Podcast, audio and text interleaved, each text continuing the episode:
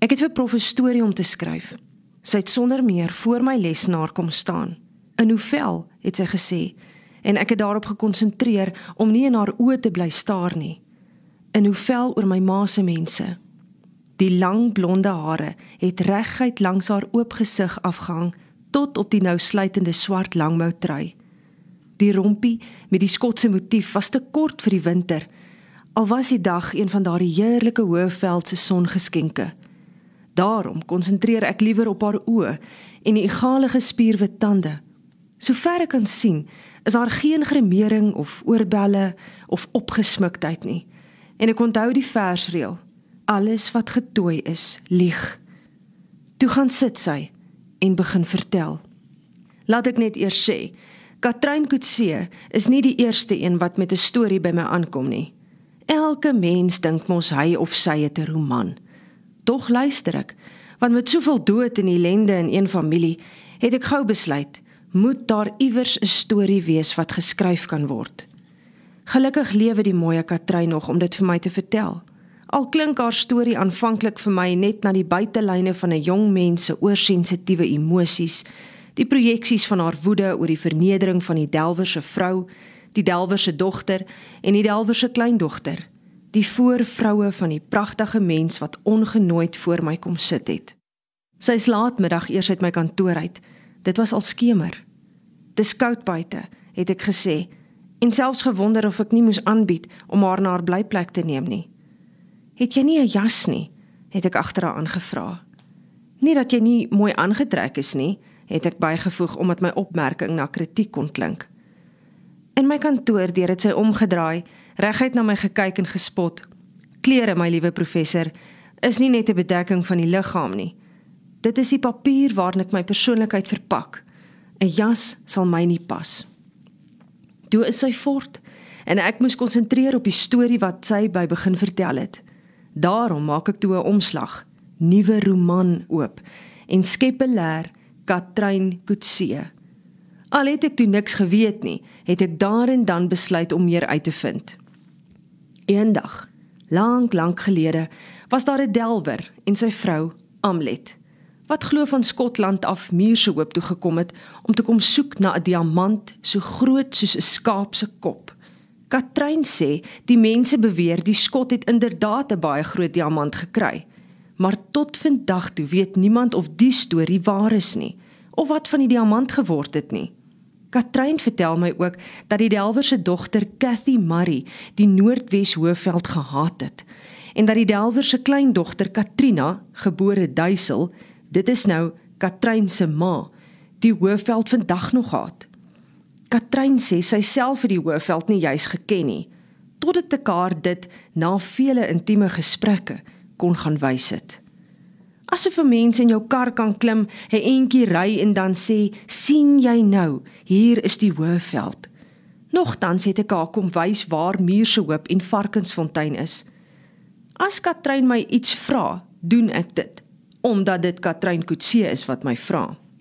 Die Delwer se dogter Cathy, vertel Katrein, is vroeg in die 20's van die vorige eeu gebore, glo teen die einde van die winter en die Delwer se kleindogter, Katrein se ma, Katrina, is nader aan die middel van die vorige eeu en ook aan die einde van 'n strawwe winter gebore.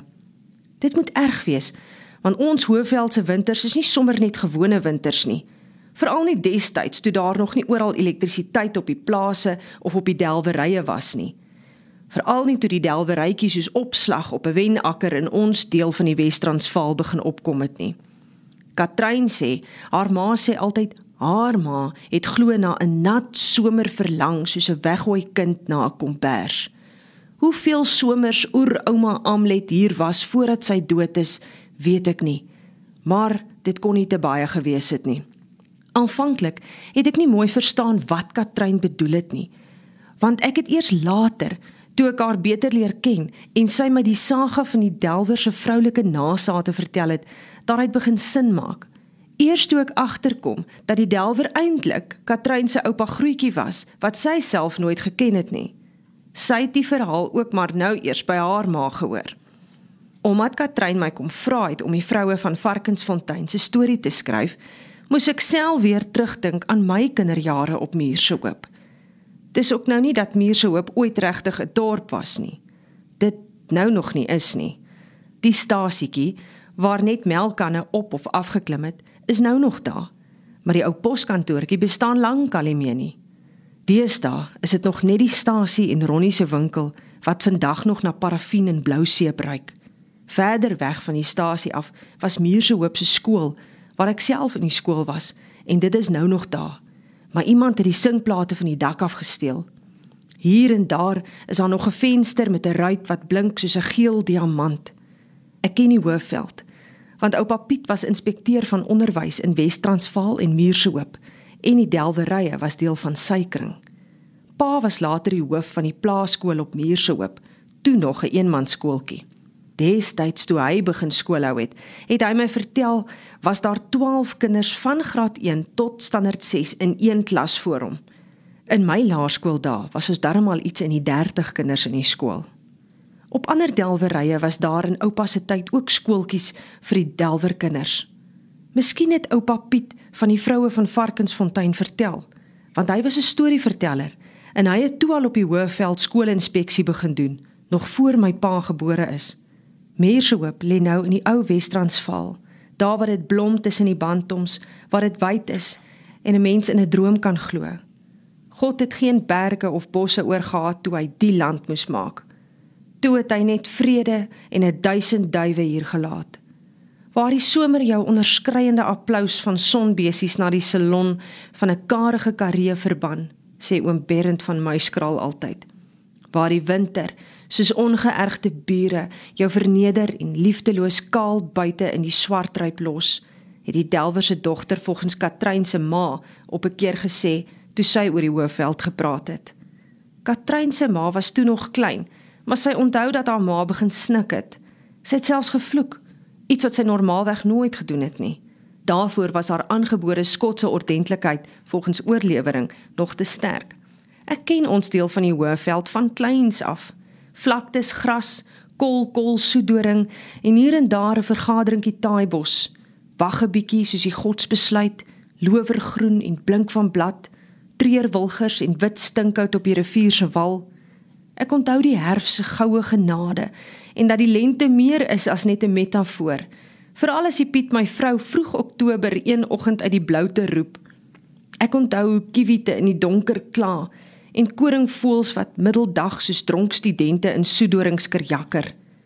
Oupa Piet het altyd gesê hy onthou vaagweg delwers wat soggens pik en graaf oor die skouer kleims toe stap om soos reismure in die grysgrond te grawe op soek na geluk so groot soos 'n skaapkop net om in die vaal skemer kop omlaag terug bondok toe te slons om te rus om môre weer deur die hoop te sif min het ryk geword baie arm.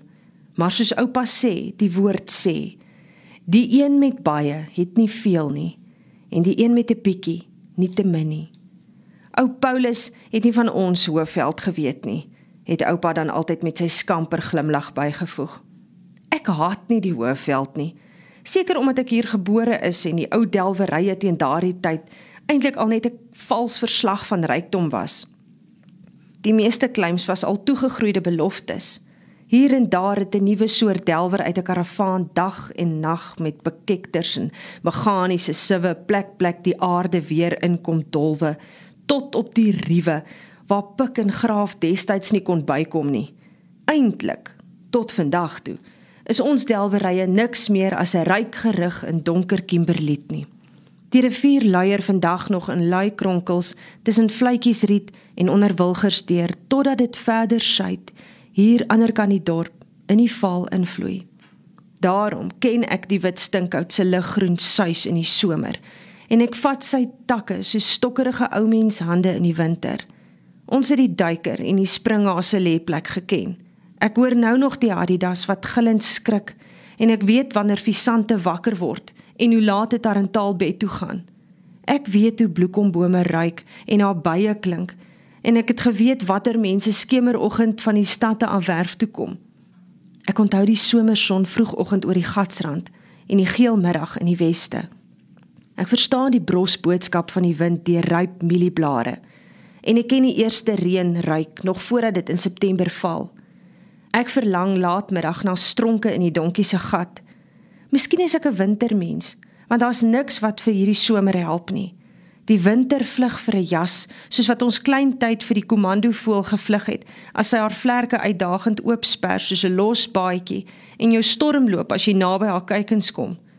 As ons by die huis uit asem gaan vertel het hoe die voël ons jaag, het ma net gesê sy wens mense kon ook so erg oor mekaar wees. En dan het sy gewoonlik bygesê dat dit is wat die profeet Amos bedoel waar hy sê ons verkoop arme mense oor 'n paar sandale. Nou eers begin ek verstaan waarna sy toe verwys het. En ek onthou die seisoene en wonder agterna of hulle mekaar regtig so getrou opgevolg het.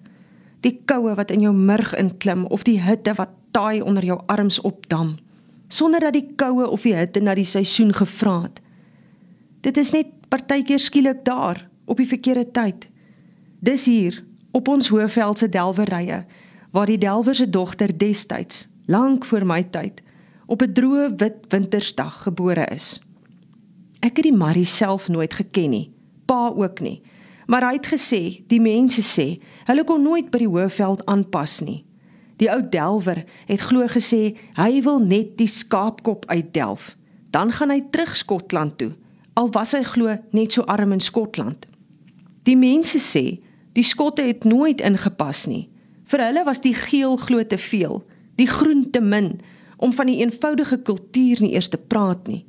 Soos wat ek die skotse vrou se nageslag naspeur, verstaan ek al hoe beter wat Calvin bedoel het toe hy gesê het as die hemel ons vaderland is, wat is die lewe op aarde anders as ballingskap? Die verhaal van die drie vroue en die meisie in die Delwer se stamboek klink vir my al hoe meer na 'n verhaal van vreemdelingskap. Seker die dat die Delwer se dogter die Hoëveld gehaat het en die Delwer se kleindogter dit nou nog haat. Die Delwer se dogter Amlet Catherine Marie is op 12 Augustus op Varkensfontein gebore. Lank voordat ek gebore is en nog voordat my pa hier kom skoolhou het. Wat ek van die Maries weet, weet ek van Kare gehoor sê en natuurlik uit dit wat Katrein my vertel. Daar was in my jare nie meer een enkele Marie op muur se hoop nie. Ek kon nie eens een iemand kry wat hulle regtig geken het nie. Dit was al asof daar nooit enige Marie in die hele muur se hoop te stryk was nie. My oupa Piet het meer geweet, maar ek het al vergeet wat hy ons vertel het. Plas ek dit neergeskryf het of dit opgeneem het. Nou sit dit laat. Nou dat ek die Marie vroue se storie vir Katrein moet skryf. Wat ek van ou mense van Muurse Hoop weet, moes ek aflei uit hoorsê en uit wilde oorvertellings, verhale wat ou mense my vertel het en wat hulle weer by ou mense gehoor het. Verhale met voete, want op ons wye hoëveld het stories meer as twee voete, want hulle loop terselfdertyd in meer as een windrigting. Dit is seker hoe 'n storie 'n mite word. As jy my vra, is 'n mite 'n narratief waarin dit moeilik is om feit en verdigsel van mekaar te onderskei. Selfbeeld is dan seker die narratief wat jy van jouself vertel en kollektiewe identiteit is die mites wat 'n volk oor homself glo. Maar ek dwaal af. Die Skotse delwer, Katrein se oupa grootjie Angus Murray, is weg toe sy vrou Amlet dood is. Katrein se ouma Cathy was maar nog bitter klein. Die delwer het alleen nie verder kans vir die delwery gesien nie en hulle sê hy sonder sy dogtertjie weg. Waarheen weet niemand nie. Asof hy nooit op Muurse Hoop was nie. Seker terug Skotland toe, sê die mense. Daarom het Cathy Murray ook nie te veel oor haar Skotse ouers gepraat nie. Hoeveel diamante die ou gekry het, weet niemand nie. Maar die storie dat hy 'n groote iewers gelos het, loop nou nog die hoofveld vol glo gesê dat dit alles wat hy vir sy dogtertjie kon nalat en dat sy dit moet erf wanneer sy eendag gereed is om op haar eie voete te staan. Dis ook nie dat Katrein haar ouma Cathy geken het nie, want die welsyn het Katrein se ma weggevat toe sy iets soos 10 of 12 jaar oud was. So aar kry, lyk like dit vir my, het Katrin gesê toe sy 'n paar maande gelede in die middag na die hoeneersklas onverwags in my kantoor deurkom staan het. So aar kry is 'n skotse gewoonte. Al wat ek toe van Katrein geweet het, was dat sy my juffrou AC Kutse is en dat sy 'n briljante student is. Verder het ek haar voor daardie middag nie geken nie. Natuurlik het ek in die klas al gesien dat sy blond en mooi is, met oë so blou soos die Hoëveld se winterhemel. Verder het ek nie gedink nie, want ek ken die universiteit se onnoosele reëls oor 'n verhouding tussen dosent en student en ek sien tog nie kans vir 'n klag van tuistering nie. Maar, moet ek erken, dit was voordat ek en Katrein mekaar beter leer ken het. Van die Delwer se kleindogter, Katrein se ma, het ek later besef, weet ek 'n bietjie meer, want ek het onthou van die arme duiseltjie wat eintlik Marie is, waarvan pa ons vertel het. Die een wat weeshuis toe is omdat dors vir haar hulle lewe verwoes het. Van die minnaars en die duiselse mense kon ek min opspoor. Van hulle is vandag nie meer een op meer se hoop nie. Miskien weet ek op grond van my navorsing nou meer van hulle as wat Katrein of haar ma Katrina Kutse weet. Want ouma Cathy het self glo nooit oor haar stiefma gepraat nie. Mens praat nie oor sleg nie, want dan nooi jy sleg uit om te kom sit. En wie wil nou met sleg sit en kuier? het ouma Cathy volgens oorlewering gesê.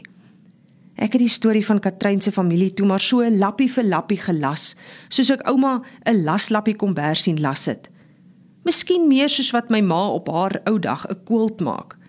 Wat ek wel verseker weet, is dat Cathy Murray op Muurshoop se Delwerye gebore is en dat sy, volgens oorlewering, die Hoëveld gehaat het.